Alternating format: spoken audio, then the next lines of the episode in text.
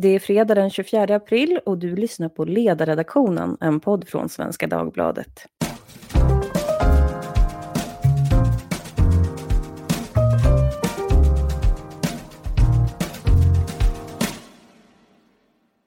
Jag heter Lydia Wåhlsten och idag ska vi prata om coronaveckan som gått. För det har ju hänt en hel del, inte minst på sifferfronten. I måndags så firade hela landet en undersökning som visade att 11 procent av blodgivare i Stockholm bar på antikroppar. Och det skulle ju då betyda att många redan har haft coronasmittan och att samhället skulle kunna komma vidare snabbare. Men tyvärr så pudlade forskarna bakom studien ganska snabbt, för man kunde inte garantera att eh, covidpatienter inte hade slunkit med i det här urvalet och då drivit upp antalet immuna. Och de glada forskarna fick helt enkelt lomma tillbaka in i tv-studion och förklara sig. I tisdags så släppte Folkhälsomyndigheten också en modellering som sa att på varje bekräftat fall så går det tusen obekräftade fall. Det skulle ju innebära ett gigantiskt mörkertal. Men den siffran backade man från redan samma kväll. Det var någon som gjorde en överslagsräkning och kom fram till att det här skulle innebära att det var fler smittade än det fanns befolkning i Stockholm. Så det verkade inte stämma. Och det blev alldeles galet, sa då Folkhälsomyndighetens analyschef. Så idag fredag så kunde Ekot avslöja att eftersläpningen i antalet dödsfall är mycket större än vad man har trott. Anders Tegnell har ju talat om 60 personer som dör per dag ungefär och att Sverige har nått en platå. Men den nya siffran är nu att det är 90 personer per dag som dör och det är ju då en ökning med 50 procent. Så, det här var veckan som gick. Hur ska man se på alla de här siffrorna egentligen? Och spelar de överhuvudtaget någon roll för utvärderingen av hur bra svensk strategi är? Eller är det bara viktigpettrar som kommer dragandes med sin millimetermåttstock just nu? Det ska vi alltså prata om nu. Med mig har jag Anders Sundell, statistiskt kunnig doktor i statsvetenskap vid Göteborgs universitet, som var en av de första att räkna på vad den här eftersläpningen i dödsfall betyder för svensk kurvas lutning. Välkommen! Tack så mycket! Här finns också två av Sveriges mest prominenta vetenskapsjournalister. Jag säger välkommen till Toril Kornfeldt, författare som bland annat programleder P3-podden Dystopia och som också har en bakgrund i DNs vetenskapsredaktion. Tack så mycket, kul att vara här. Ja, och du är ju också ett riktigt poddproffs, så det är väldigt kul att ha dig med. Vi har väldigt höga förväntningar här på din, din radiomedverkan. Det vad jag kan leva upp till. Ja. Sen har vi också Per Snaperud, norsk att döma av efternamnet, men också författare, tidigare hjärnforskare och redaktör på tidningen Forskning och framsteg, där du bevakar medicinska frågor. Och du har också hunnit lissa faktiskt i hjärnforskning, eller hur? Jo, det stämmer. Och jag är också glad att få vara med idag. Ja, ytterligare en vecka av coronapandemi har passerat. Och min första fråga är en sån här ja och nej-fråga. Och det är om ni har studsat på de här siffermissarna som jag just räknade upp. Vad säger Toril? Nej, faktiskt inte. Vad säger Anders? Jag blev eh, förvånad. Inte så mycket över att siffrorna var som de var, men kanske hur eh, förvånade Folkhälsomyndigheten verkar bli av de missarna, så att säga. Nej, det kan jag inte säga. Om vi börjar med dig Toril, du säger att du inte blev så förvånad. Vad, vad såg du i dem? Nej, men jag studsade inte för att det är så himla tydligt just nu att vi är inne i en, en pågående process. Och det är ganska speciellt det här med att man får se vetenskap och undersökningar och så vidare som pågår i realtid. Så det är inte så konstigt att det blir fel ibland. Eh, jag kan snarare tycka att, att det är ganska intressant att, att faktiskt se, det, se vetenskap som händer på liksom det här sättet snarare än så som det oftast presenteras i media där liksom allting är färdigt och granskat från början. Liksom. Men tyckte du att det var rätt att man gick ut med de här siffrorna givet att man fick backa sen? Det är klart att det hade varit bättre om det var rätt från början, eh, men det är ju ett svårt läge nu där det å ena sidan finns ett väldigt starkt krav på att det ska komma nya siffror och nya resultat hela tiden. Och å andra sidan så kan man på något sätt vara säker på att de inte, inga siffror kommer att vara helt säkra än hur man än gör. Så att jag tyckte att det var bra i båda de här fallen att man backade så pass snabbt och tydligt. Snarare. Per, du säger också att du egentligen inte blev, att du studsade på det här. Hur kommer det sig? Nej, men det är precis som Toril säger att eh, de här grejerna utvecklas väldigt snabbt.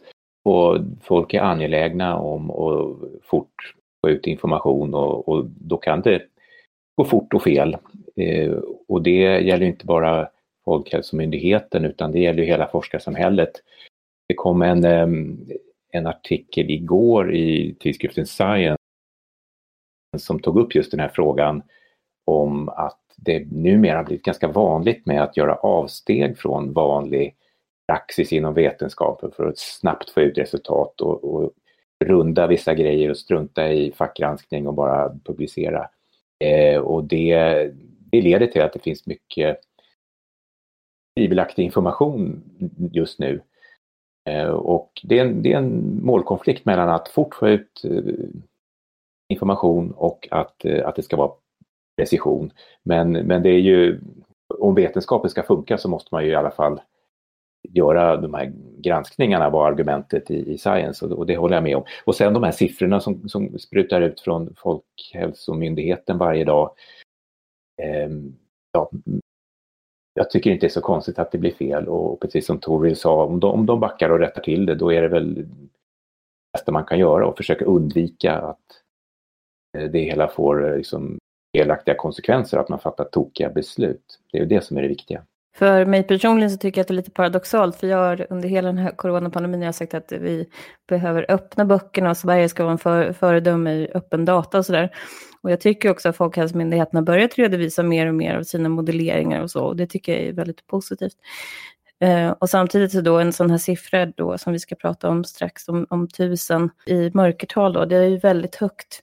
Och det sa ju de själva att det här borde vi faktiskt ha sett om vi hade det är liksom en så pass grundläggande sak att, att en helt vanlig journalist direkt på stående fot säger att det här kan inte stämma.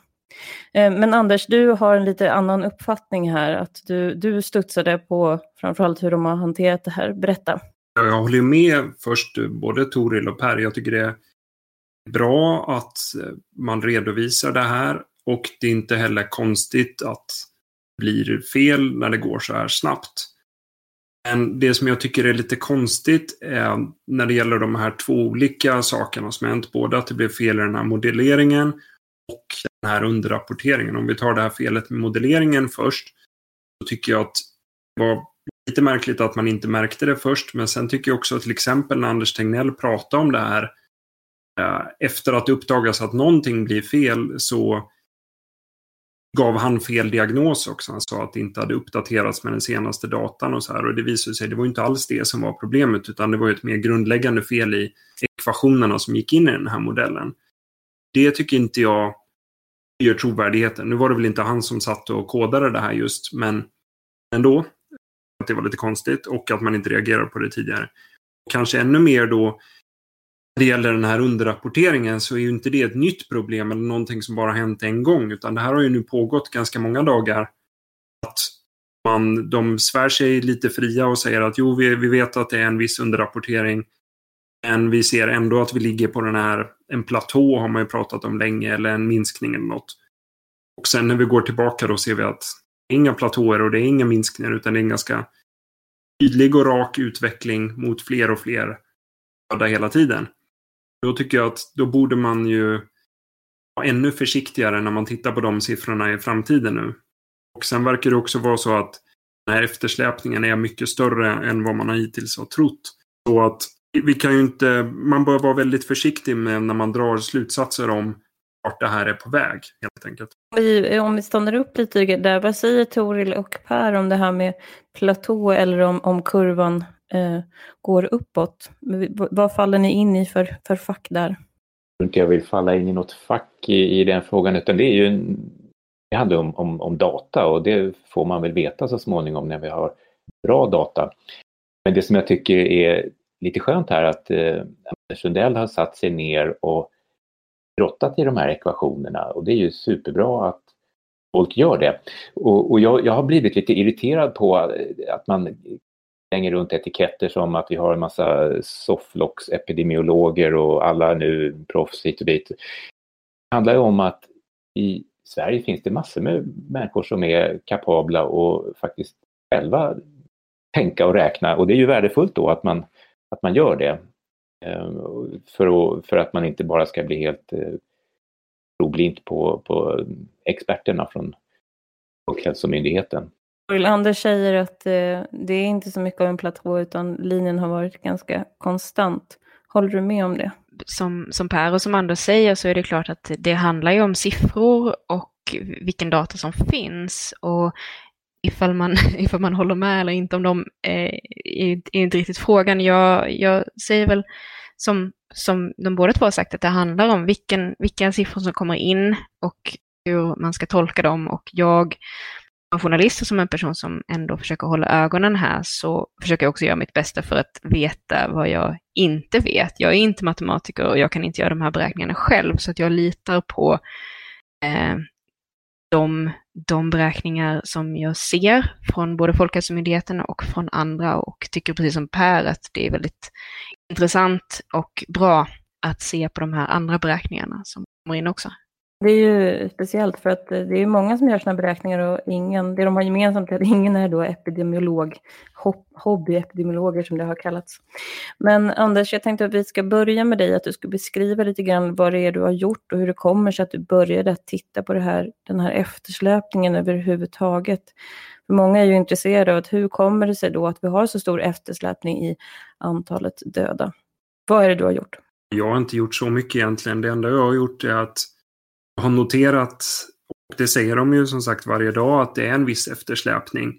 Men som sagt, jag tycker inte man riktigt tar konsekvenserna av det. Men det, om, man, om man jämför med hur siffrorna har sett ut bakåt, hur kurvan har sett ut den 10 april och den 17 april och den 24 april, så ser man ju att det som förut såg ut som en nedgång senare blir till en uppgång. Och det här mönstret har varit konstant och hela tiden i takt med att det, eh, att det fylls på bakåt.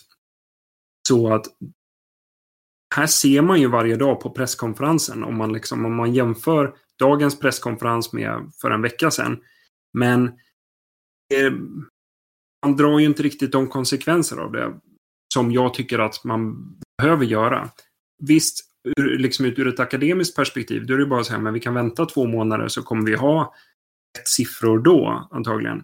Men om vi nu ska fatta beslut och fundera på är den, in, den strategi vi har valt eller som har valts åt oss, är den bra att fortsätta med? Är vi på rätt spår? Verkar det fungera? Då tycker jag att det är väldigt viktigt att se vart, vart är vi någonstans på den här kurvan? Får vi de effekter som vi förväntar oss eller en negativ utveckling så att säga? Så därför tycker jag det är viktigt att eh, kolla på det här. Och vad menar du att den här stora eftersläpningen, vad får den för effekt då? Ja, eh, den får ju som sagt effekten att det verkar hela tiden som att om man jämför med en vecka bakåt, inte bara med liksom dagens datum, men säg att vi jämför sju dagar sedan jämfört med tre dagar sedan. Då ser det ut som nästan alltid som att tre dagar sedan så är det lägre antal rapporterat döda än vad det var för sju år sedan. Bra, då kanske vi har nått den här toppen. Sen om man spolar fram då ser man att det är nästan alltid så att varje dag så blir det fler och fler som dör nästan. Ja, så har det, så har det sett ut hittills om vi har de siffror som är någon vecka gamla och som är lite mer tillförlitliga. Och jag tror att om man hade så att säga insett det här och varje dag sagt att nu är det ännu fler som dör, nu är det ännu fler som dör. Hade det blivit ett annat stämningsläge än att man i varje presskonferens istället säger det verkar som vi är på en platå, vi ser en viss minskning och, så vidare, och sen reviderar det i efterhand Det ger ett, eh, en annan stämning så att säga. Att jag tycker att eh, det får konsekvenser. Och vad det beror på är väl, ligger väl antagligen utanför Folkhälsomyndighetens kontroll. Eh, men det är ändå märkligt att det verkar vara mer eftersläpning här än i till exempel de andra nordiska länderna och så. Vad hade du önskat att man gjorde istället då? Skulle man inte prata om de här senaste dagarna för att de siffrorna är för osäkra och liksom låsa det tre dagar tillbaka då och hela tiden förskjuta kurvan så att säga, hur man rapporterar tillbaka den till, till folket? Man, man, ska, man ska i alla fall undvika att dra slutsatser om smittspridningens utveckling på basis av de senaste dagarnas. Men de har försökt göra det här. De har sagt ja, de senaste tre dagarna kan vi inte riktigt lita på. Men nu läggs det ju till dödsfall alltså en, två veckor tillbaka. Så att vi måste ju backa det ännu mer. Det har man inte riktigt gjort. Uh, till exempel så sa Tegnell den 16 att ja, vi trodde det skulle komma in en massa retroaktiva fall här efter påsk. Det har det inte gjort, så det är bra. Och sen nu långt senare har de fallen ändå kommit.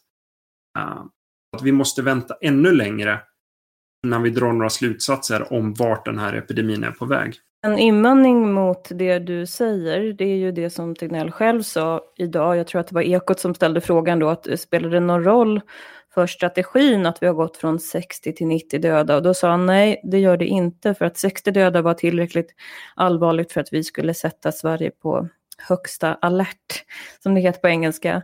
Um, finns det inte en poäng i det att det, det här är egentligen bara en, en sifferexercis? Jag hade hållit med om det mer om vi verkligen var på högsta alert i något sorts internationellt perspektiv. Nu är vi ju snarare på lägsta alert i, eh, ett europeiskt perspektiv och gör väldigt mycket mindre än andra länder. Och eh, Så att jag har mycket mindre förbud så att säga. Så att om det hade varit många fler dödsfall och folk hade fått intrycket av att det här är på väg åt helt fel håll, då hade det kanske blivit en annan debatt. Jag säger ju inte nu att vår strategi är fel eller att vi nödvändigtvis ska göra på något annat sätt. Men jag tycker att liksom diskussionen ska föras utifrån rätt information. Men för att sammanfatta så menar du att vi inte befinner oss på en platå utan att det är fortfarande stegrande. Egentligen den signal som vi fick precis på dagens presskonferens då. Jag tycker inte att det har funnits, eh, om man åtminstone går någon vecka, liksom den senaste veckan, tycker inte jag att det har funnits några belägg för att med säkerhet säga att vi är på en platå eller ser en minskning. Utan när man har sett trenden att det läggs på mer och mer bakåt och när siffrorna väl har stabiliserat sig så ser man en ganska stadig ökning. Så jag tycker inte att det har funnits bra belägg för att säga att vi är på en platå. Du vill komma in. Men jag tycker att det, det, precis det som Anders säger ger ju också en väldigt tydlig bild av att, att det är ju två processer som pågår här hela tiden. Den ena processen handlar om de här dagliga uppdateringarna av siffrorna som ju också släpar av, av många olika skäl. Eh, och där man på något sätt försöker ge ändå en lägesbild och en ögonblicksbild som ju går väldigt snabbt. Och å andra sidan så har man det här med liksom vilka regler man inför, eller snarare vilka rekommendationer man inför och, och hur man vill att samhället ska svara. Och jag tror att det finns eh, lite grann en risk att man, att man blandar ihop de här två processerna för att precis som Anders säger och som det också har sagts under, under presskonferenserna så är ju inte rekommendationerna direkt kopplade till de dagliga siffrorna. Eh, och, och, och det, blir, det kan bli lite grann eh, ja, men det, det, det, kan se ut som att det är en process när det egentligen väldigt tydligt är två processer. En som handlar om, om siffror och hela tiden uppdateringar och en som handlar om rekommendationer och, och åtgärder som ju går långsammare. Och eh, vi har ju pratat mycket om det här R-värdet då. Och Sverige siktar väl egentligen inte på att ha ett R-värde under ett, utan vi siktar på att ha lite mer för att vi vill ha en viss smittspridning. Så gör det så mycket då, även om kurvan skulle luta uppåt, Anders? Nej, inte om man är beredd på vad den strategin innebär. Att, som det har pratats om då, vi vill hålla igång en smittspridning eller vi försöker att inte stoppa det här helt. Det har ju Tegnell sagt, då skjuter vi bara problemet framför oss. Sen har det ju också sagts att nej, nej, vi siktar inte på någon flockimmunitet eller så. Men jag kan ju inte se vad det annars finns för poäng med att hålla igång smittspridningen om det inte är finns en poäng med att folk blir smittade och sen blir immuna. Det måste ju vara ditåt man hoppas att det ska komma. Och Tegnell har ju själv i olika tillfällen sagt att jo, men nu börjar vi kanske se effekterna av flockimmunitet och sådär. Men om man kollar på de olika beräkningarna, till exempel den här eh, eh matematikern Britton gjorde ju en modell då där han försökte gissa var är vi på kurvan nu, när kommer flockimmunitet nås och sånt. Han räknar ju då med på en dödlighet på 0,2 till, till 1 procent. Och det skulle ju ge då om 50-60 procent av Sveriges befolkning får det, vilket är vad som krävs för flockimmunitet, att ja, 10 till 50 000 personer dör. Och jag undrar om verkligen alla är införstådda med att det är så att säga den naturliga konsekvensen av den strategi vi håller på med nu. Jag tror att många tänker att jo, men nu kanske vi har nått piken och så går det här ner och så kan vi börja semestra i sommar. Men i sådana, det är så att säga slutmålet, att vi ska nå en flockimmunitet genom att större delen av Sveriges befolkning får det här viruset. Då har vi ju bara har vi många tusen döda som ska komma fortfarande. Och gör ju ingenting för att stoppa det så att säga. Annat än att vi försöker se till att det inte blir onödigt många som dör genom att sjukvården blir överbelastad eller så. Men, eh, och jag tror att när man får intrycket av att antalet döda nu har så att säga pikat och att det sen kommer gå ner, då tror ju folk att det kommer landa på en mycket lägre dödssiffra än de som jag nyss nämnde. Vad tycker ni andra? Det har ju varit lite diskussioner där och Folkhälsomyndigheten vill ju inte gå ut med prognoser. Vissa andra länder har ju gjort det och sagt på ett ungefär vad man tror att man kan landa i, i antalet dödsfall. Eh, tycker ni att Sverige också borde redovisa det? Ja, men det är väl rimligt. Om man kan presentera det och, och tala om hur stora osäkerheterna är så är det väl bra att lägga så mycket fakta på, på bordet som, som det går.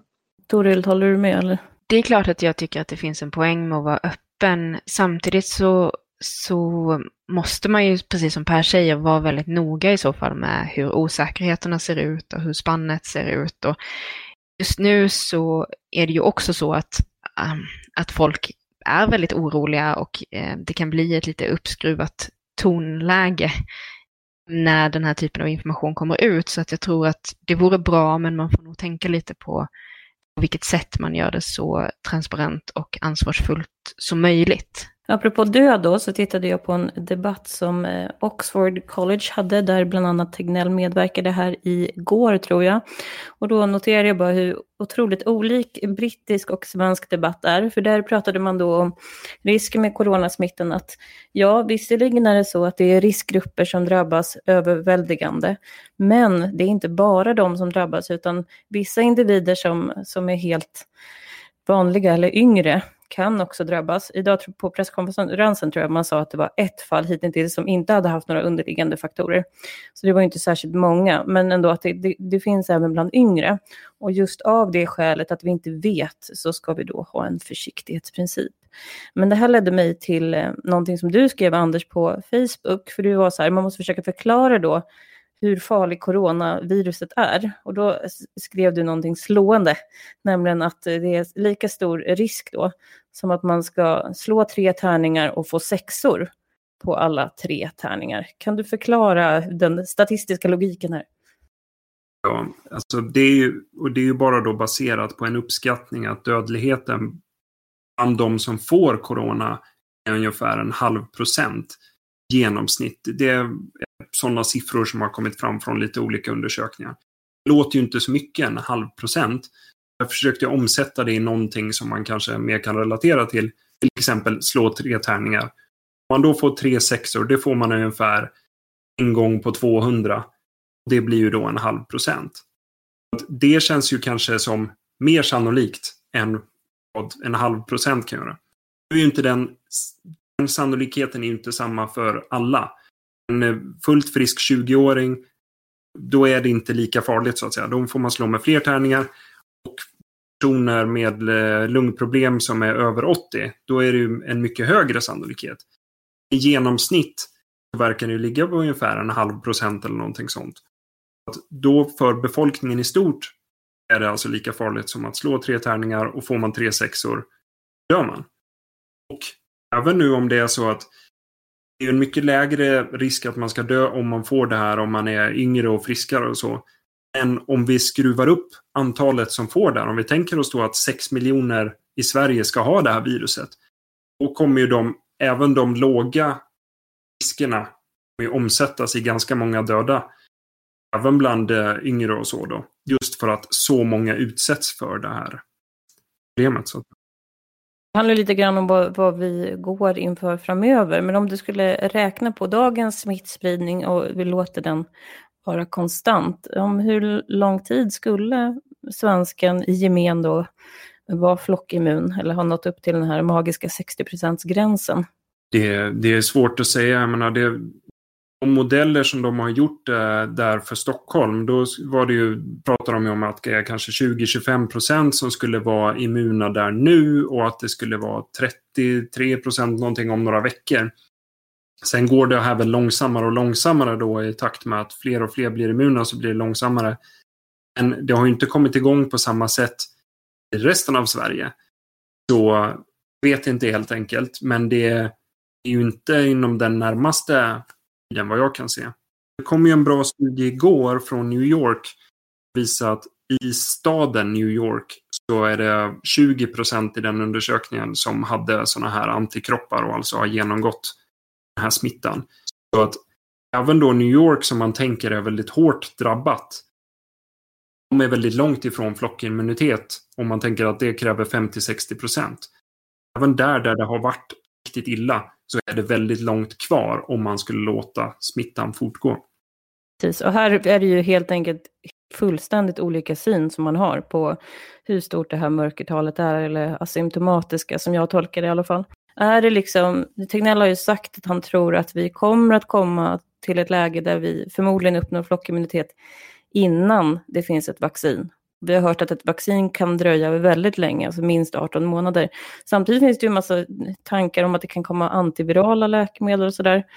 Men tror ni också att det kommer vara så att Sverige hinner så att säga passera igenom det här viruset och lära, lära oss att leva med det innan det kommer hjälp? Och där behöver man ju en rejäl kristallkula för att, att svara. Det, det, men, men så mycket verkar i alla fall troligt att antivirala mediciner kan komma fram snabbare än ett vaccin. Och det, det skulle ju vara fantastiskt om vi hade något sånt.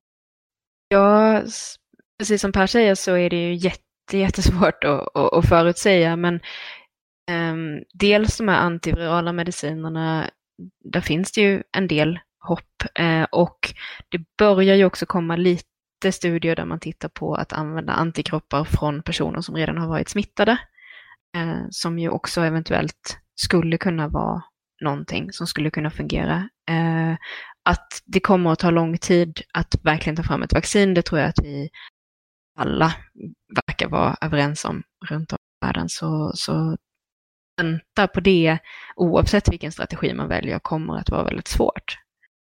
Upplever ni att Sverige har en unik strategi? För även på den här punkten så är det lite olika bud.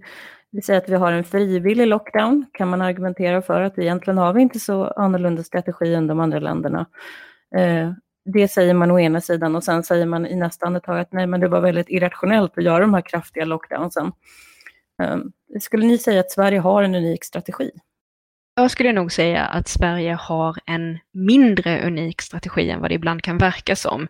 Eh, jag tror att en av de sakerna eh, som man fortfarande inte vet såklart och som kommer att vara väldigt intressant att titta på, det kommer ju vara hur mycket folk faktiskt följer rekommendationerna i Sverige och i förhållande till hur mycket folk faktiskt minskar i de länderna som har valt att ha mycket hårdare restriktioner. Och det kommer säkert skilja sig åt väldigt, väldigt mycket från olika länder, även länder som kanske har väldigt lika restriktioner på papper så kanske man har människor som beter sig väldigt, väldigt olika. Och det är ju någonting som fortfarande är svårt att veta, eh, men som kommer att bli spännande att se. Och om jag bara ska utgå från min egen bekantskapskrets och, och situationen jag rör mig i, så skulle jag säga att i princip alla följer eh, en, en mycket hårdare variant av, av eh, de offentliga rekommendationerna. Så de flesta beter sig på ungefär samma sätt som man gör i länder med hårdare regler. Jag håller nog inte med. Jag tycker att vi har en ganska unik strategi. Jag tycker att vi kanske gör ganska mycket i förhållande till hur få regler vi har. Liksom folk, folk gör någonting och håller sig mer hemma och så. Om man till exempel tittar på den data som Google har släppt över hur Android-telefoner rör sig i samhället ser vi ju att vi har en minskning i Sverige, en, en mycket mindre minskning eh, än vad man har i många andra länder. Även till exempel då Danmark och Norge. Där ser man ju också att de har en annan utveckling på epidemin än vad vi har. Så det verkar ju som att de får ett annat resultat. Sen vet man inte om det skulle blivit så, men åtminstone Danmark hade ju en ganska brant utveckling på typ nya antal smittade och så innan de körde sin hårdare lockdown så att säga. Så att jag tror att vi gör ju, har kanske kommit ganska långt med frivillighet men jag tycker inte det verkar som att vi får de konsekvenser som man får i länder som kör mer med tvång. Nu behöver inte det betyda att den strategin är bättre man tar ett samhällsperspektiv och väger in konsekvenserna för ekonomin och i långa loppet. Vi vet ju inte heller vad som händer längre fram när de släpper på sin lockdown. Men eh, än så länge tycker jag att man kan se att vi gör annorlunda och det verkar ge andra konsekvenser. Sen ska man säga att de här data utgår ifrån så att säga det egna nollläget och om man lyssnar på Folkhälsomyndigheten så har de i alla fall sagt att det här R-värdet då är kring ett, alltså att vi, vi har en, en smittspridning under kontroll.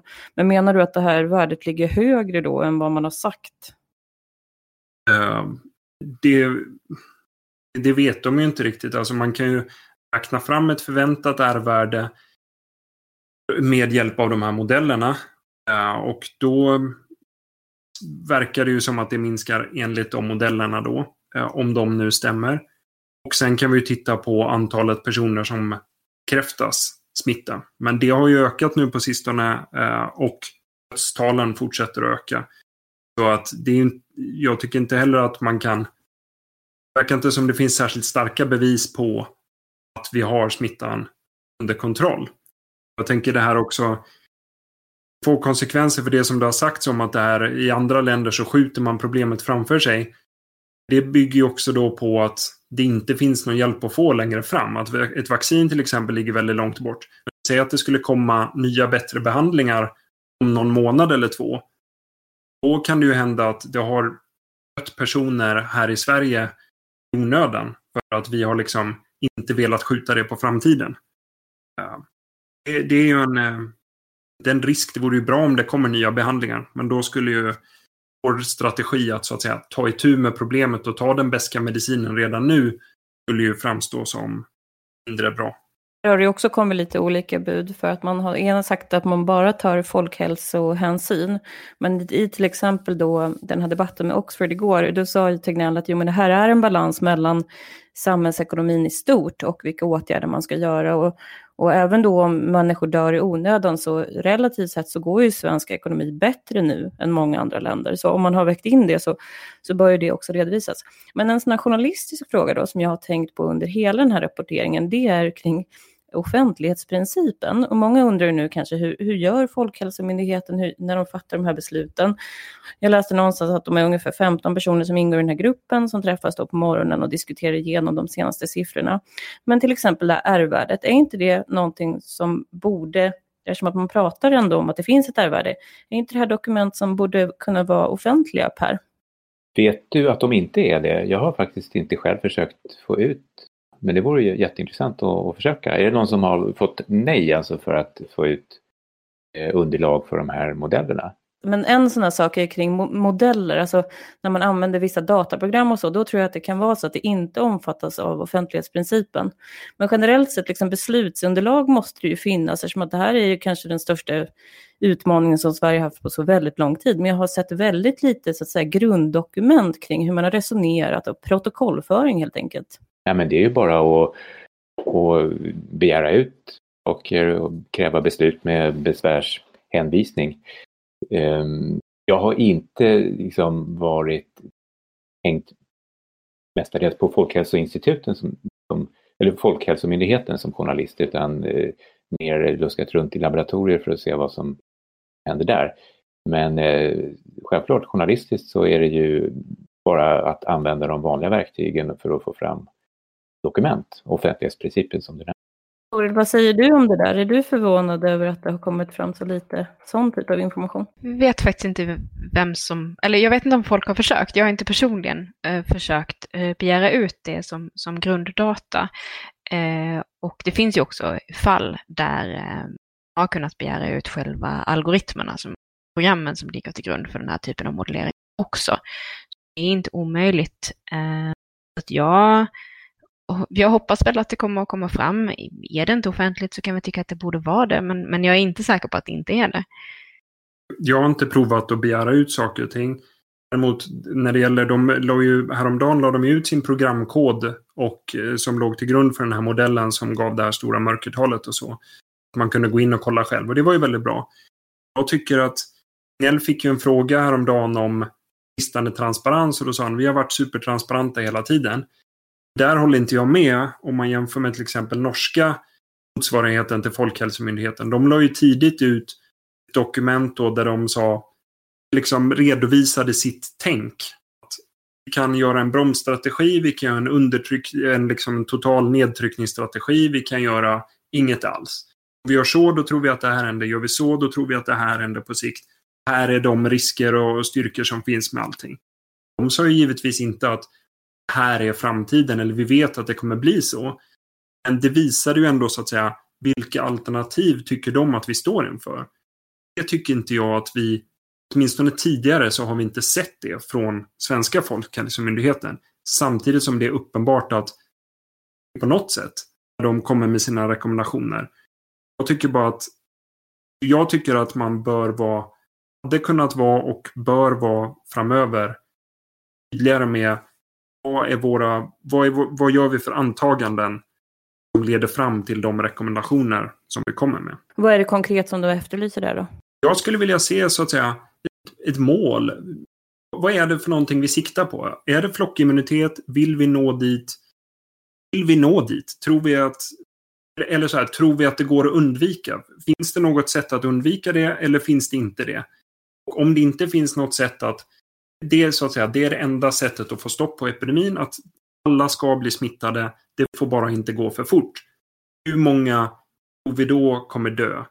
Eller är det så att vi tror att det går att undvika men det vore för dyrt ur ekonomisk hänsyn. Då vill jag veta det också. Då tycker jag det är ett politiskt beslut som vi bör fatta demokratiskt eller våra representanter bör fatta att vi tycker inte det är värt att rädda de här tusen liven om det innebär att Sveriges ekonomi går i krasch för två decennier framöver eller så.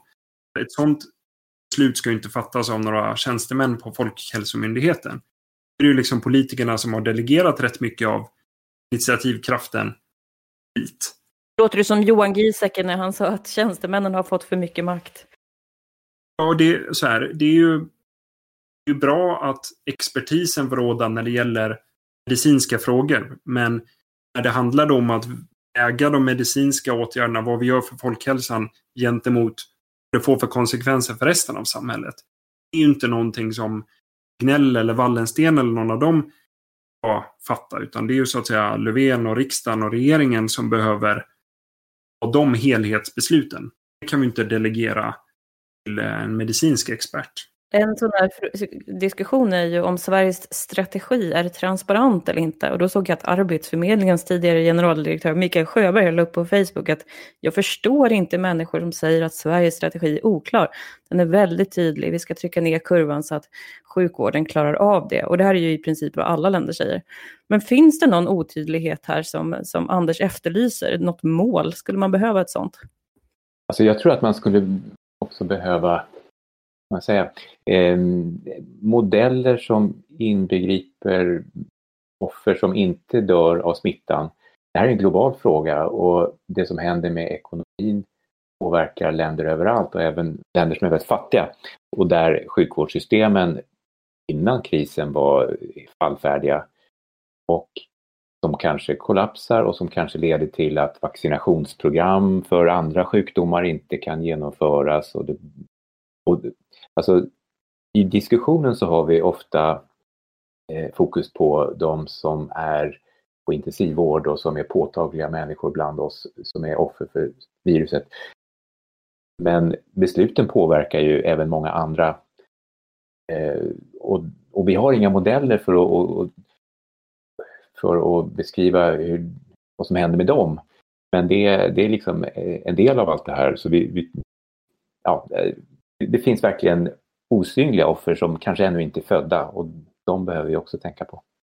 Nu, nu fick jag en sån här flashback till Torbjörn Tännesjö när han pratade om att det behövs en ny global ordning för att eh, hantera klimatkrisen och att en pandemi då skulle ha samma inneboende logik, att våra institutioner är inte byggda för att hantera en sån här global kris helt enkelt. När det handlar om, om faktiskt vilka åtgärder som samhället ska ta, vad man ska göra, hur man ska hantera det här, då, då här är det ju här verkligen ett typexempel på, på det som ibland brukar kallas för så wicked problems eller liksom svåra problem med väldigt många olika rörliga faktorer. För att precis som Per säger så finns det ju väldigt många andra människor vars hälsa och eventuellt vars liv påverkas utav både de åtgärderna man gör och eh, en massa andra saker som rör sig i det här. Till exempel om, eh, om delar av den andra sjukvården hamnar mer på paus just nu. Det kanske kanske diagnoser som kommer senare eller liknande, eller den psykiska ohälsan och risken för att den ökar på, på grund av den här situationen och i viss utsträckning på grund av åsikt, eller äh, vad heter det, på grund av insatserna som man, man gör för att försöka begränsa smittan. Så att jag tycker ibland att det kan bli lite närsynt just nu att man verkligen bara tittar precis på vad som händer med viruset och inte för att det är lätt, men, men jag tror att det finns ett värde i att försöka lyfta blicken också eh, och se även inom, inom hälsofrågan hur det påverkar resten av världen och, och resten av samhället.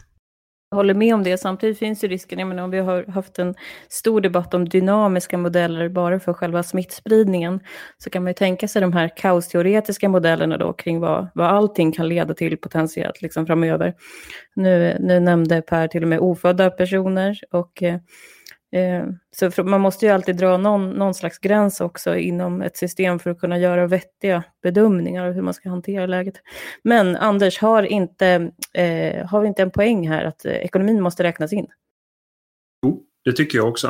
Uh, jag menar, wicked problem är det ju verkligen och det är ju det etiken att, att styra ett land är ju så. Det kan man inte göra helt evidensbaserat så att säga man ska ju använda evidens som underlag för sina beslut, men det är ju givet att det kommer finnas en massa osäkerhet och man måste känna sig fram delvis också.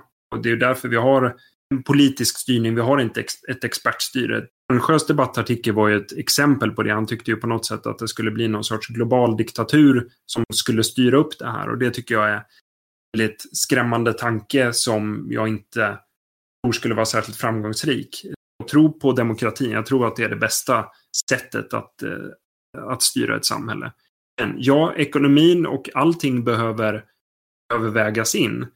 Uh, och, men det är ju inte Anders Tegnell rätt man att göra, utan han har ju en medicinsk expertis och bör ha med rekommendationer som uh, ger det bästa hälsoutfallet. Sen tycker jag att det är upp till regeringen och riksdagen att, väga ihop där, ta in den informationen och sen fundera över vad kan det här få för ekonomiska konsekvenser och så. Jag har ju svårt att se att liksom åtminstone kort sikt, om alla bara låser in sig i sina hem i en månad utan undantag, då kommer det säkert ha positiva effekter på smittspridningen. Men det blir ju en fruktansvärd ekonomisk kostnad som vi ser i en massa länder. Så att det är möjligt att det är alldeles för dyrt så att säga. Men de ställningstagandena bör man ju vara öppen med, tycker jag. Och det bör finnas en debatt om det. Frågan är ju också där hur lätt kommer det bli att gå tillbaka. Jag tror att det var Frankrike som jag eh, såg någonting från nu, att eh, även om man börjar lätta på vissa restriktioner så, så är ju folk så pass rädda. Helt enkelt. Det är svårt att backa då om man har eh, har haft den här oron i sig. Så då, då håller man hellre på de restriktioner man har haft. Så det är ju ytterligare ett problem som antagligen många länder kommer se framför sig nu. Hörrni, vi har redan pratat för länge, men vi måste börja avsluta. Men jag har några frågor kvar. En sån här sak är ju alla de här siffrorna, för att komma tillbaka till poddens tema för dagen. Det är inte lätt att vara en simpel samhällsvetare i dessa dagar. Eh, det verkar som att väldigt många fler än samhällsvetarna får dyskalkyli, alltså att man blir dyslektiker inför siffror just i coronadebatten. Samtidigt så vill ju alla veta och därför är min fråga, om ni skulle rådge till exempel era föräldrar då, att ni, de skulle hålla utkik efter något nyckeltal för att veta hur utvecklingen går, eh, vad är det de ska titta på för nyckeltal då? Är det till exempel dödsfall eller är det antalet smittade? Eller är det någonting helt annat? Vad säger Toril? Så jag eh, kommer vara lite motvalls nu och säga att jag nog faktiskt inte tycker att man ska titta på siffror alls just nu. För att en av de sakerna som har blivit tydlig den senaste veckan är att det här är en väldigt rörlig materia, det rör sig väldigt fort. Eh, jag märker själv hur lätt det är att fastna i att man tittar på alla de här siffrorna och försöker jämföra dem med varandra och jämför olika länder och tittar på statistik och fastnar i grafer eh, och sådär. Och jag skulle väl ärligt talat råda folk att försöka lyfta blicken lite grann just nu. Ehm, vill man följa utvecklingen så kanske det är bättre att försöka göra det i text eller liksom försöka få de breda uttalanden snarare än att sitta efter exakta siffror just nu. För jag tror att det finns en risk att man, att man hänger upp sig på de där siffrorna som ser ut som om de berättar sanningen. Men just nu så, så gör de inte det och det är kanske lite lätt att bli lite lurad och då antingen mer stressad än vad man skulle vara eller mer lugnad än vad man kanske behöver vara. Men om du var tvungen att ge en läsrekommendation då till, till vi säger dina föräldrar, vad, vad skulle du hänvisa dem till? Är det till Agnes Wold eller Emma Frans eller är det, är det någon helt annanstans? Alltså jag tänker faktiskt vara så, så tråkig att jag säger att eh, vi har faktiskt ändå bra information. Det är, det är, en bra, det är ett bra ställe att, att starta. Och den, de är ändå hyfsat bra på att uppdatera oss med dagliga presskonferenser. Så att, eh, jag, jag, jag skulle nog faktiskt rekommendera de flesta att vara lite selektiva och hålla igen lite grann på sin nyhetskonsumering om corona just nu överhuvudtaget. Vi blir smartare med mindre information, Anders, och en bra utgångspunkt är Folkhälsomyndigheten. Vad säger du? Jag tycker man kan titta på siffror. Jag tycker man kan titta på antalet nya rapporterade döda. Ehm, även om de kommer, sprider ut sig lite bakåt så ger de ändå en indikation på, alltså det vill säga hur många nya dödsfall tillkommer dag för dag. Om man särskilt tar, om man slår ihop det vecka för vecka, då slipper man dessutom problemen med att det är ojämnt på helgerna och så tycker jag att man får en bra bild av vart det här är på väg. Och den bilden som ges då är att det fortsätter öka. Och det kommer antagligen fortsätta göra det ett tag till i och med att det är en konsekvens av hur många som smittats med fördröjning. Men nyckeltalet är ändå hur många dör och eh, det tycker jag att man kan titta på. Är det forskning och framsteg som man hittar sanningen i? Det kan det vara, eh, men det finns väl också andra ställen att leta. Eh, jag, jag, jag, tycker att det sägs kloka saker. Jag skulle väl avråda från att titta på antal fall, för det är ju något som beror helt på hur man, hur man testar. Så att det där är, eh, jag ger en väldigt skev bild.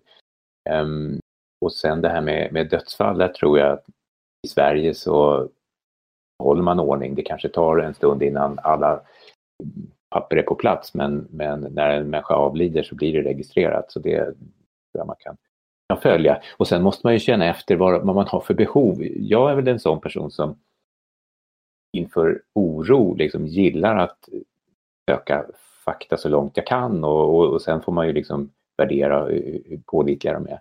Men om man bara känner att man blir eh, dåligt av att klicka på de här eh, uppdateringssajterna då, då ska man ju göra något annat en promenad. Och om du skulle säga att du håller koll på någonting särskilt just nu för egen del, vad skulle det vara? Jag tycker det är spännande att följa vad som händer vetenskapligt.